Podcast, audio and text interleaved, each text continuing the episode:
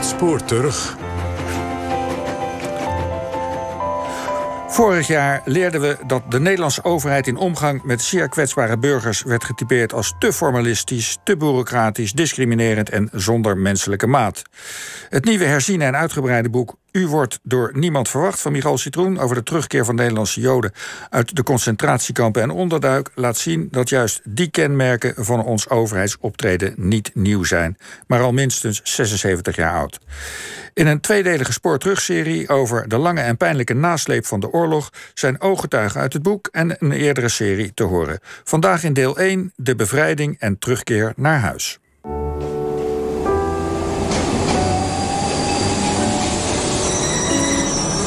Vrouw van, die was toen 18 of 19 jaar, die kwam uit Auschwitz terug.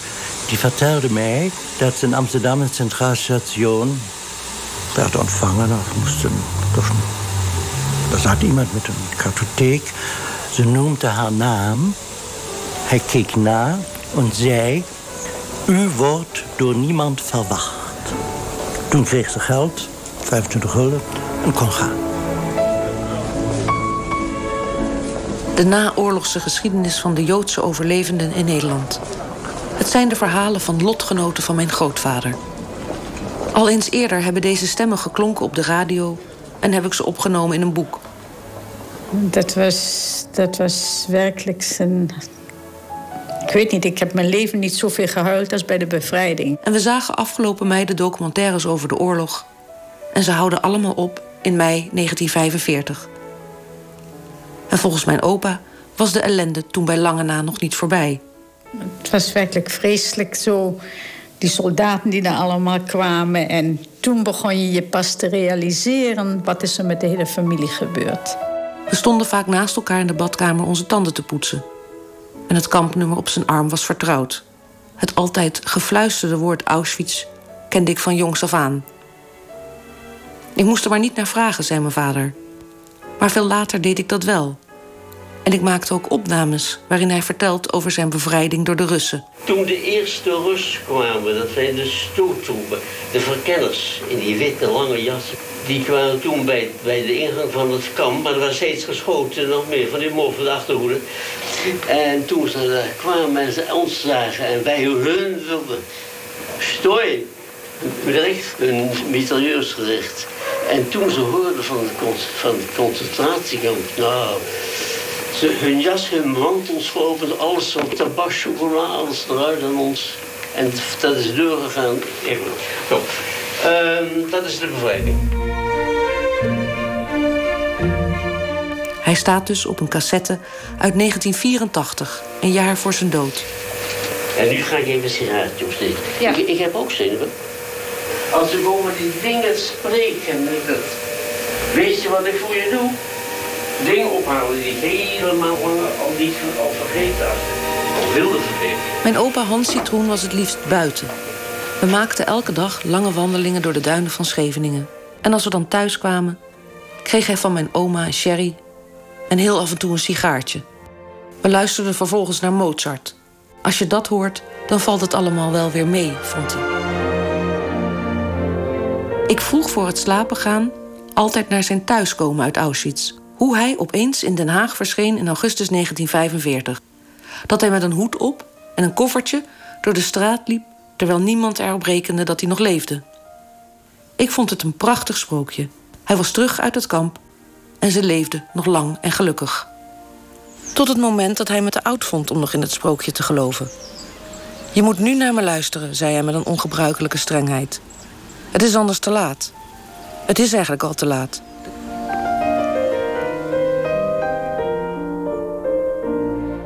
Het Russische leger bevrijdde op 22 april 1945 het concentratiekamp Sachsenhausen-Oranienburg ten noorden van Berlijn. Mozes Benjamins weet er niet zoveel meer van. De Russen vonden Mozes Benjamins in het stro, te midden van zijn eigen vuil, met open wonden en onder de vliegen. Ik woog 35 kilo. En daarnaast had ik nog pleuritis, bronchitis, difteritis, longontsteking en buiktyfus. Dus eh, ze hebben me daar uh, met penicilline en DDT weer helemaal een beetje opgeknapt. Totdat je weer zo'n 50 kilo weegt. En dan mag je pas gaan denken om naar huis te gaan. In het concentratiekamp Bergen-Belsen waren in de maanden voor de bevrijding tienduizenden gevangenen aangekomen uit het geëvacueerde Auschwitz. Velen al doodziek van de zich snel verspreidende vlektyfus. Per dag stierven honderden gevangenen. De Britten deden na de bevrijding van het kamp pogingen met voedsel, water en medicijnen te redden wat er te redden viel. Ghana Shapira werd in het voorjaar van 1945 door de geallieerden bevrijd. In een trein. Maar in de trein stierf bijvoorbeeld een hele goede vriendin van mij. Op, op weg, en dan zei ze nog: Het is te laat. Toen dat gebeurde. In Bergen-Belsen heb ik dikwijls tegen mezelf gezegd: Als ik dit overleef, dan ga ik naar Palestina. Dat heb ik mij toen voorgenomen. Het was toen nog geen Israël natuurlijk. Wij zijn dus in Biberach geïnterneerd. En toen kon je beginnen ziek te zijn. In Bergen-Belsen kon je niet ziek zijn. Wij hadden allemaal vreselijke diarree. Er waren mensen die ook daar sterven. We kregen pakketten van het Rode Kruis. En we waren zo uitgehongerd naar iets zoets. Ik weet nog dat er een busje condensmelk was er in zo'n pakket. Oh god. en ik nam zo'n lepeltje van dat condensmelk en ik ging bijna dood ervan.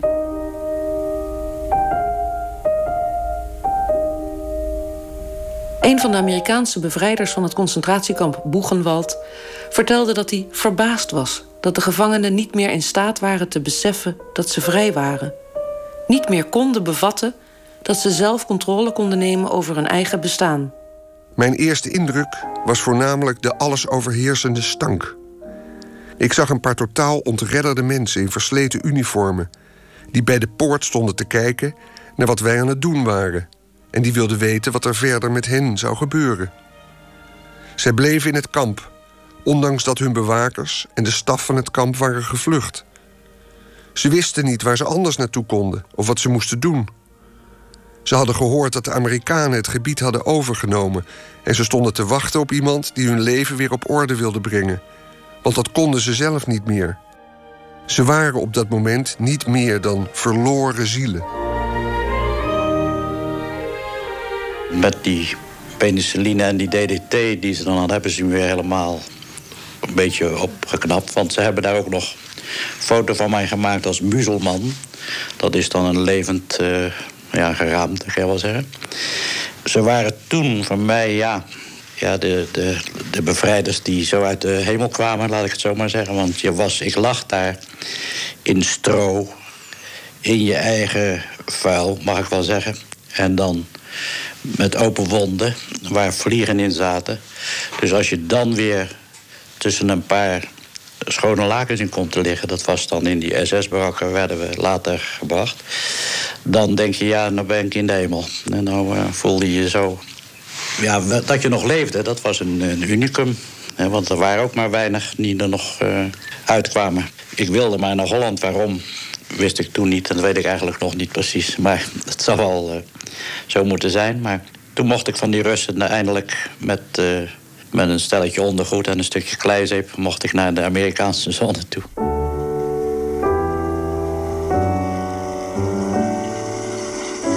David Reichman werd in januari 1945 uit het concentratiekamp Auschwitz geëvacueerd. Na een tocht van drie dagen werden hij en zijn vader achtergelaten in een kamp in Blechhammer. We zijn verder getrokken en kwamen in het, uh, in het plaatsje Kleiwitz terecht. En toen kwamen we ook de eerste Russische tanks tegen. We kwamen de eerste, ik ga het niet vergeten, we kwamen in het plaatsje Kleiwitz aan. Toen was er een, uh, met alle dingen die de natuur iemand kon geven... vrouwelijke Russische officieren die daar het verkeer regelden. We hebben daar, uiteindelijk hebben we een huis gevonden dat leeg stond.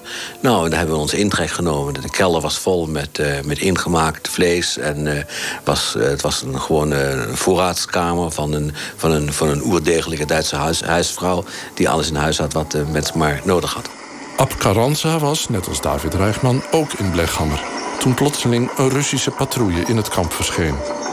Tijdens een uh, evacuatiemars is kamp waarin me op dat ogenblik bevond... wat in feite maar een, een tussenstation was, bevrijd. Dat was in de laatste week van januari 1945. Daarna hebben we met een groep van elf Nederlandse Joden rondgezworven in wat toen Opper Silesië heette. Die lieten ons gewoon aan ons lot over. Ze gaven ons toestemming om overal eten vandaan te halen waar we zelf vonden dat we dat maar moesten doen.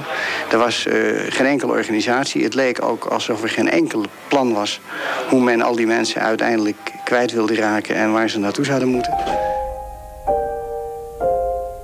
Mijn opa, Ab Karanza en David Rijgan zwerven rond in hetzelfde gebied en ze delen veel ervaring. Het had veel te maken met de Engelsen. En in Odessa, de treinreis daar, daar waren de Hollanders, hebben ze daar zeer onbehoorlijk, de leiding ze onbehoorlijk gedragen. Ten eerste heeft de ambassade in Moskou, daar is er geen fluit van aangetrokken, die heeft ons gefeliciteerd voor de bevrijding, heeft ons wat de barsten. Engeland, Frankrijk en Rusland hebben zich over ons ontfermd. De Russen hadden er in het begin geen notie van. We hadden geen enkele legitimatie.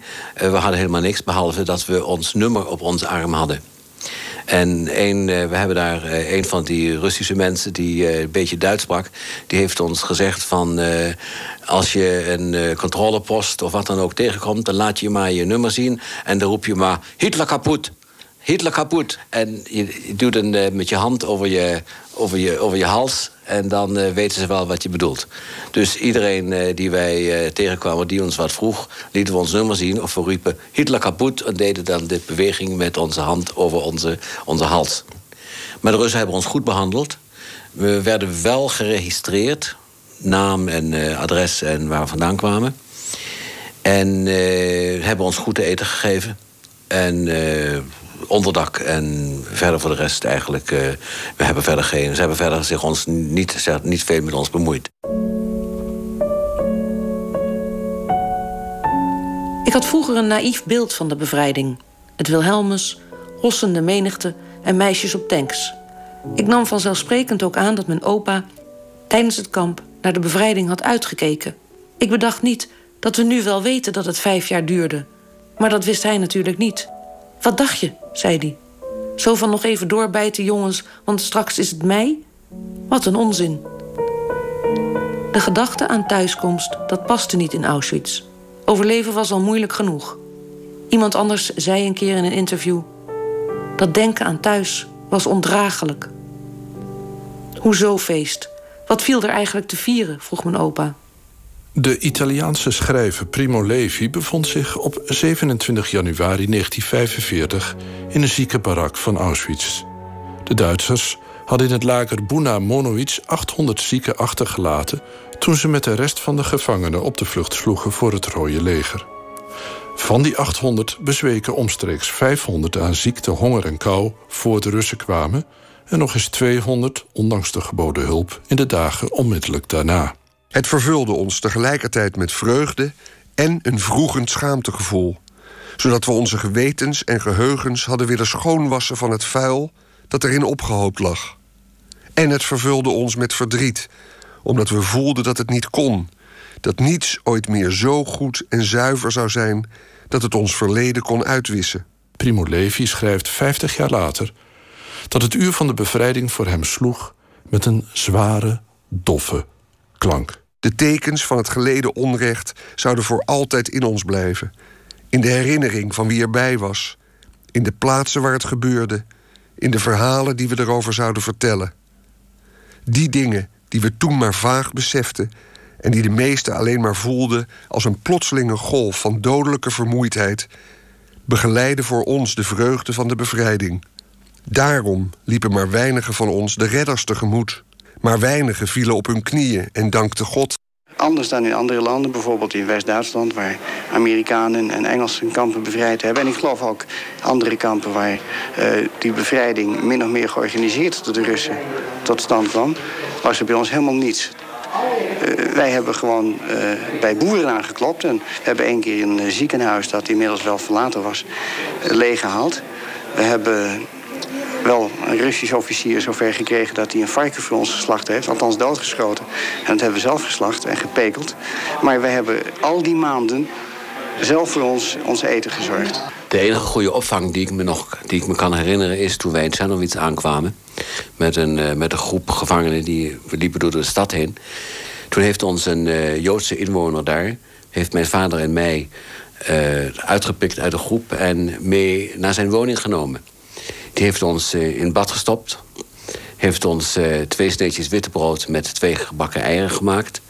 En heeft ons echt weer behandeld als, als burgers. En ik moet zeggen, vanaf dat moment voelde ik mij voor het eerst eigenlijk weer mens zijn. Gerrit Groen was 15 jaar toen hij op 15 april 1945 in Bergen-Belsen werd bevrijd. Hij werd na enige tijd met zo'n 2000 overlevenden ondergebracht in Treubitz, 60 kilometer ten oosten van Leipzig. Alleen al onder de Nederlanders in dat dorp eiste de vlektyfus-epidemie nog bijna 160 slachtoffers, onder wie de moeder en de grootmoeder van Gerrit Groen. Ik bleef alleen achter, zonder dat iemand zich om mij bekommerde. Ook de Russen niet. Die dachten alleen aan horloges en vrouwen. Gelukkig waren er bij ons een paar mensen die zo verstandig waren dat ze ervoor zorgden dat we ons niet gelijk kapot gegeten hebben. Dus heel met mate gegaan.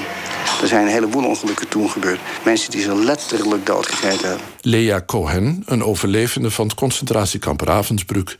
wilde onder geen enkele voorwaarde na haar bevrijding nog langer in het kamp blijven. Samen met twee kampzusjes kwam ze een paar dagen later lopend aan bij een ziekenhuis in Neustadt. Helaas was daar maar plek voor twee, niet voor drie. De drie vrouwen besloten loodjes te trekken om uit te maken wie mocht blijven. Lea verloor. Er waren geen Nederlanders te bekennen om haar te helpen. Ze moest op eigen kracht verder zien te komen.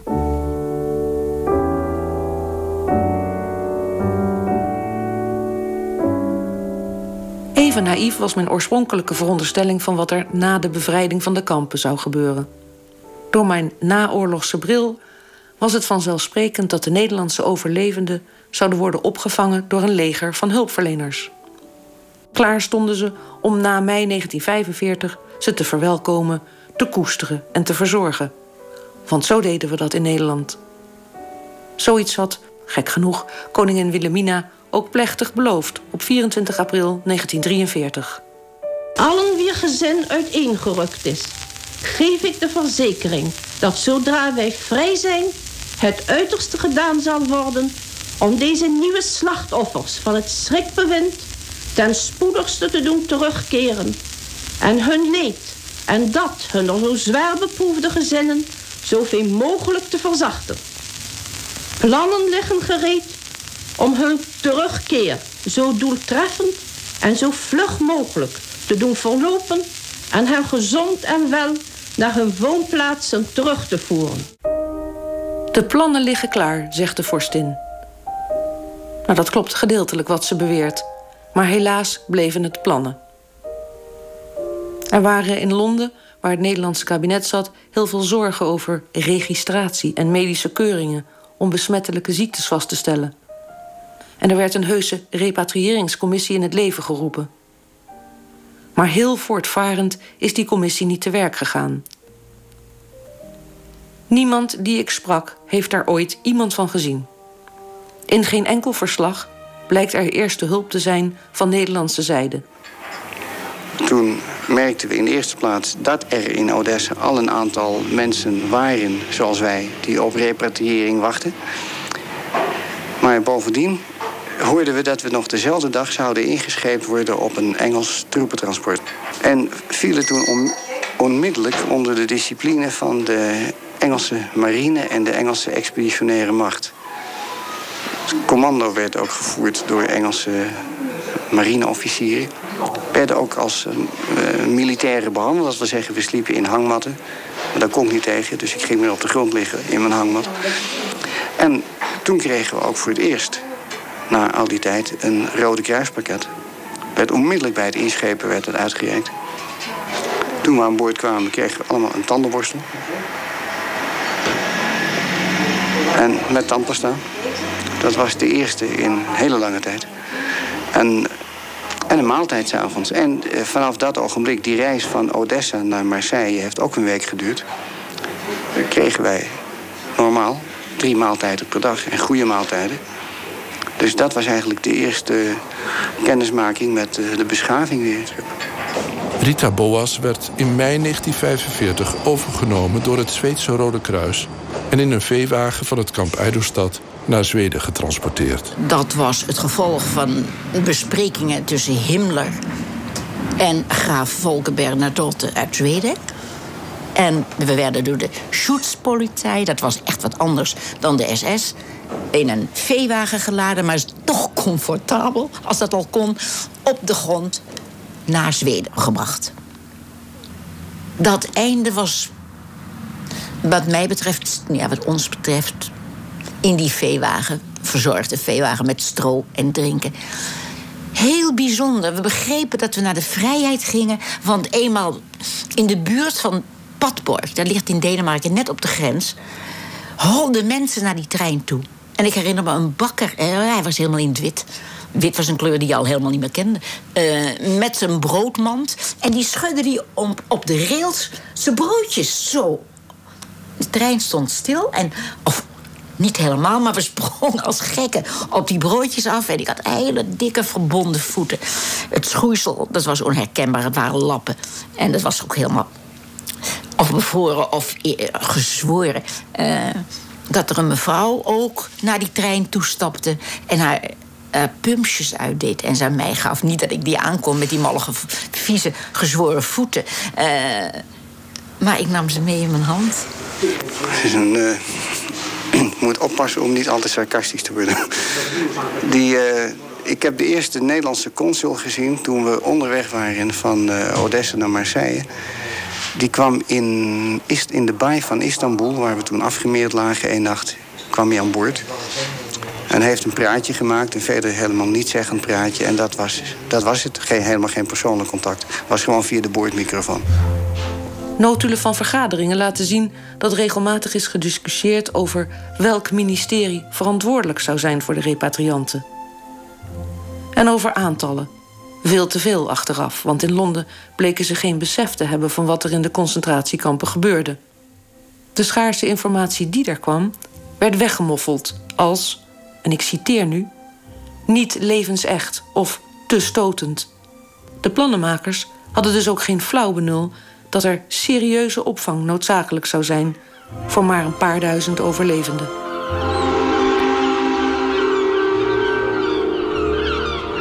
Op dat schip overwegend Joodse overlevenden uit kampen dat betekent dus dat het een groot percentage van het totale aantal overlevenden was. Want er zijn maar 5000 mensen uit kampen teruggekomen.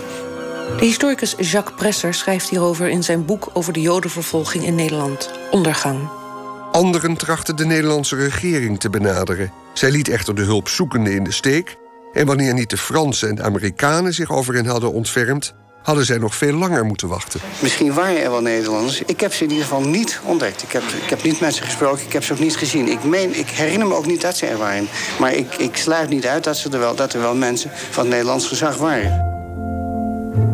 De Belgische historicus Pieter Lagroux schrijft in zijn proefschrift over de consequenties van het uitstel van repatriëring. Hij wijt hieraan een overlijdenspercentage van wel 20 procent onder de verzwakte slachtoffers in de eerste weken na de bevrijding.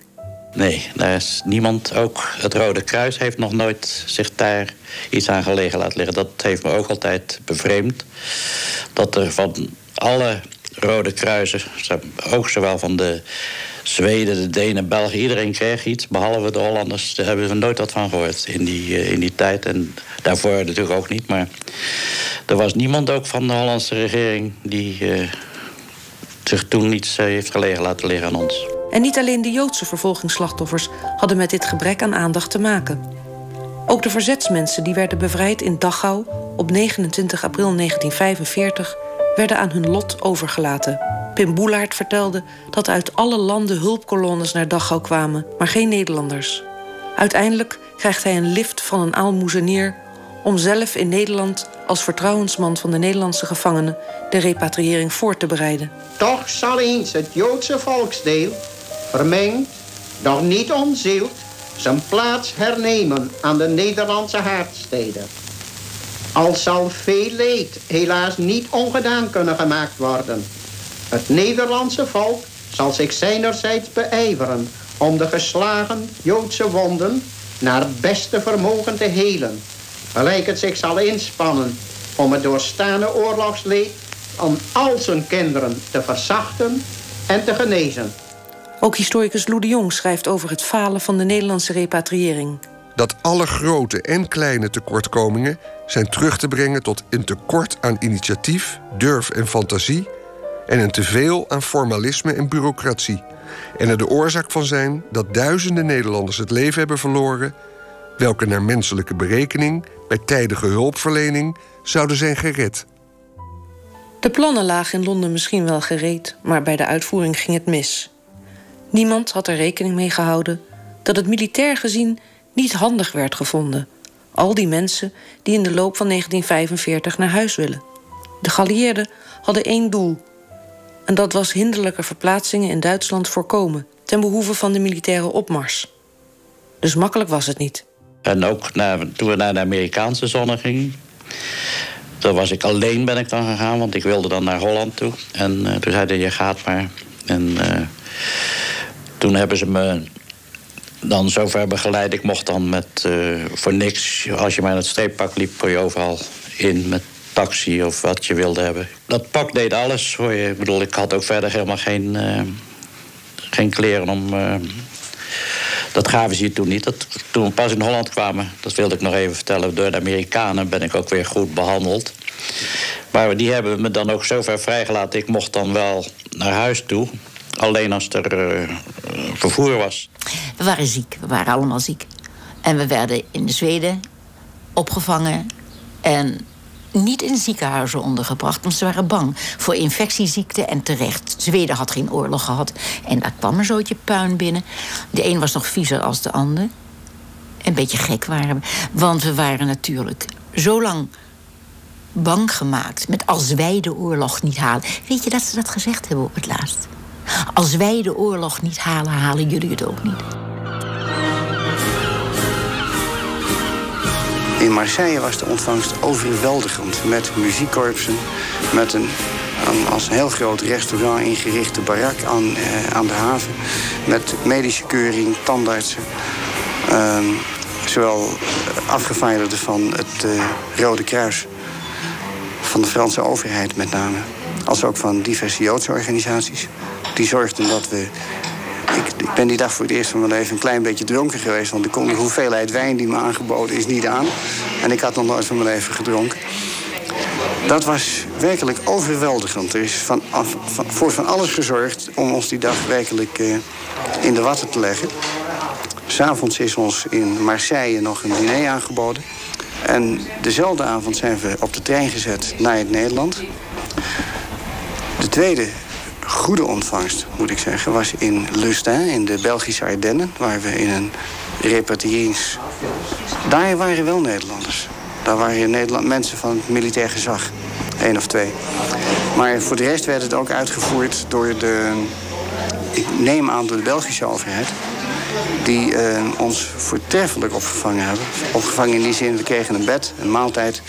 Daar, daar vond de eerste echte registratie plaats.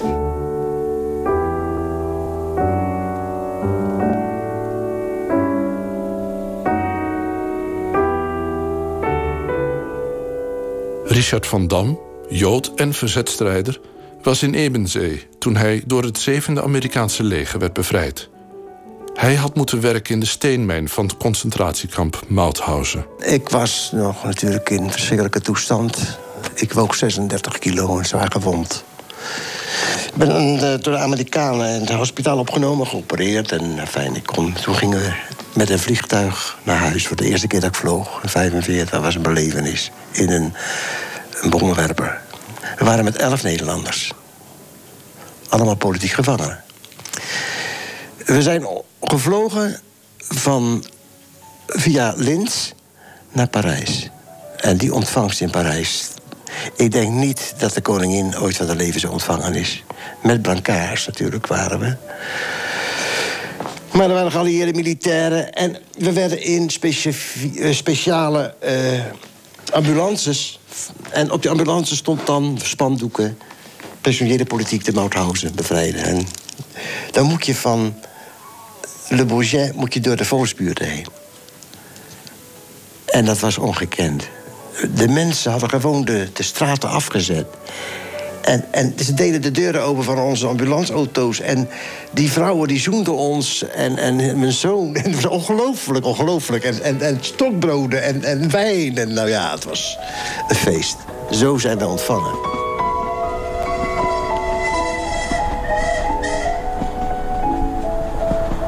De bevolking ik weet niet meer precies aan wat men de trein herkende. Of er nou iets op stond, dat wij repatrianten waren, dat herinner ik me niet meer. Maar het was wel zo dat overal langs de route, zowel in Frankrijk als in België... langs de weg mensen stonden te juichen en, en te, te, zwaaien. En dat op, bij veel gelegenheden eten en, en bloemen de trein ingeworpen werden. Dat is enorm geweest. Volle perrons en... Uh, maar ook gewoon langs de weg, als die trein langs een, een, een overweg reed... dan stonden er mensen te zwaaien. Dat was heel bijzonder. Mijn opa overleefde de eerste maanden na Auschwitz... net als Ab Carranza en David Reichman in Opper-Silesië. Om uiteindelijk in Odessa in te schepen voor Marseille. We werden met grote eer ontvangen door in Marseille door de Fransen. Met vaandel en muziek. Toen zijn we na één dag in Marseille stonden er een paar treinen klaar. Op ieder station door Frankrijk heen stopte die. En liepen er meisjes rond met grote manden met kersen en met kannen met wijn. In België waren de Belgen van het Belgische comité aanwezig in de grens van Frankrijk om ons via de luidsprekers te verwelkomen. Terwijl Nederland, het bevrijde Nederland, al wist dat die trein zou komen. Die trein die komt in... S'avonds eindelijk. Komt hij in Tilburg aan. En we zullen ontvangen worden. Hè. Wij doen die deur van die gammele trein open. En er staan enige kerels hier en daar die schreeuwen... In de trein blijven! Niet uitstappen, in de blijven. Dat was de ontvangst. In mei 1940 telde Nederland 140.000 Joden en 80.000 ervan woonden in Amsterdam. Zo'n 10% van de bevolking van de hoofdstad. Meer dan driekwart van de Nederlandse Joden is door de Duitsers vermoord. Waarom ik? vroeg Maurits Benjamin zich af. Net als alle andere slachtoffers. Waarom bleef ik en anderen niet. Hij komt eind juli 1945 bij Enschede over de grens. Daar krijgt hij een kom erwtensoep. Ik zag natuurlijk ook weer in het streeppakje, zag nog wel even belabberd uit en alles kaal geschoren. En toen kwam er iemand van de Joodse gemeente en die zegt: Ik zal u 10 gulden geven als voorschot van. En daar kunt u mee naar, waar moet u naartoe? Ik zeg naar Rotterdam. Oh ja, daar komt u wel een heel eind mee. En dat was dan mijn eerste opvang in uh, Holland. Gerrit Groen kwam in juni 1945 naar Nederland terug. Hij weet niet meer precies door wie hij naar huis werd gebracht. De Amerikanen hadden hem in Leipzig opgevangen nadat de Russen hem een tijdje in Treubitz hadden laten zitten. Nederlanders had hij voor de grens nooit gesproken of gezien. Even woonde hij in Amsterdam bij zijn enig overgebleven familielid, zijn tante, op zolder. En niet lang, dat ging niet. Hij werd gebracht naar het Joodse weeshuis in de Rapenburgerstraat. Hij was toen net 15 jaar oud. Er waren maar een paar die in het kamp waren geweest. De rest had allemaal ondergedoken gezeten. Spraken nooit over de oorlog. Over het kamp werd toen niet gesproken. Dat doe ik nog niet. Daar raak ik overstuur van. Mijn grootvader sprak zoals veel van zijn lotgenoten nooit over Auschwitz. Hij mopperde vaak over het schunnige gedrag van de Nederlandse autoriteiten na de oorlog. Hoe gedroegen de Nederlanders de eerste drie, vier, vijf jaar ja. rond ik heb rotopmerkingen gehad. De ambtenarij in Nederland was schuldig. De verzekeringsmaatschappij was schuldig. Wij leverden allemaal nog een beetje in de moffelvier Gerard Deurlacher beschreef in zijn boek Strepen aan de hemel... hoe hij in goederenwagons op een zijspoor in Eindhoven aankwam. In lange rijen staan wij voor de wagens en lopen, naar bevel... Met bundels of met lege handen naar de ingang van het Veemgebouw. Een kille kampsfeer hangt daar, als een lode wolk. Oneindige zalen, zonder bedden, zonder stoelen. Op de stenen vloer donkere stroommatrassen, meterslang en breed, als perken beton. Mensen in kreukelige, muffe kleding schuifelen voorbij. Ab Carranza maakte in het voorjaar van 1945 min of meer dezelfde omzwervingen als mijn opa. Hij wil naar Amsterdam, maar belandt uiteindelijk bij de grens in Arnhem. In 1945 liep hier geen stijveling, waar alles wat er aan huizen stond was beschadigd. Er zat geen venster meer in een huis. En de lagen, wat er aan straat was, lag vol met glas. Dus het, uh, is natuurlijk wel even iets anders dan nu met uh, dit enorme verkeer. Het enige verkeer wat er was, was doorgaand militair verkeer. En een heel klein beetje vrachtvervoer. We wisten dat we naar Eindhoven gebracht zouden worden. We hebben verzuimd te vragen of ze ons ook nog verder zouden brengen. En waarschijnlijk waren we in de veronderstelling dat dat zonder meer gebeuren zou. En toen uh, werd ons gezegd dat dit Arnhem was. En uh, als ik, ik zal het proberen letterlijk te citeren, want ik heb het in, in de loop der jaren wel vaker geciteerd. Dit is Arnhem en zie maar dat je thuis komt. Um, burgerverkeer was er voor zover mij bekend niet. Nogmaals, het was 2 juni 1945, zeer kort na de oorlog. Het werd aan onze eigen inventiviteit overgelaten. En je moet je dus voorstellen dat er op dat kruispunt, dat, uh, midden op die, uh, bij het begin van die autoweg, honderden mensen stonden te liften. Als ik me goed herinner zijn wij tegen de avond, tegen zessen, kregen we eindelijk een lift van een uh, Nederlandse militair, een Nederlandse officier. Die bracht ons naar, de, naar het Ajax-stadion. En daar kregen we heel toevallig een andere lift naar Amsterdam-Oost, naar kennissen waar we de eerste weken na de oorlog bij onze thuiskomst hebben uh, doorgebracht. De mevrouw die in de zomer van 1945 uitstapt op het station in Amsterdam... en die daar te horen krijgt dat zij door niemand wordt verwacht... die mevrouw heb ik zelf nooit kunnen spreken. Ik hoorde over haar van Hans Kelson. De psychiater die haar later hielp haar onverwerkte ervaringen te dragen. Die zei, ja, ik ben dan voortdurend eigenlijk naar het huis gelopen waar, waar ik met mijn ouders heb gewoond. Ik heb daar urenlang in het portiek gestaan. En ik begrijp, ik begrijp heden ten dagen nog altijd niet waarom ik daar heb gestaan. Toen heb ik heel voorzichtig gezegd... Misschien hebt u toch op iemand gewacht. Toen brak het ijs.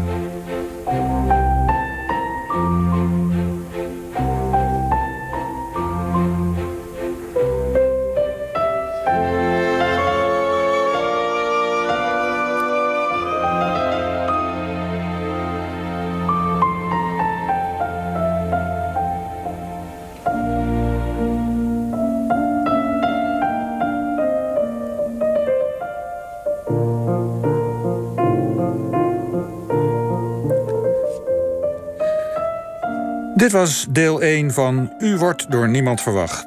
Gemonteerd door Berry Kamer en met de stemmen van Matthijs Deen en Anton de Goede.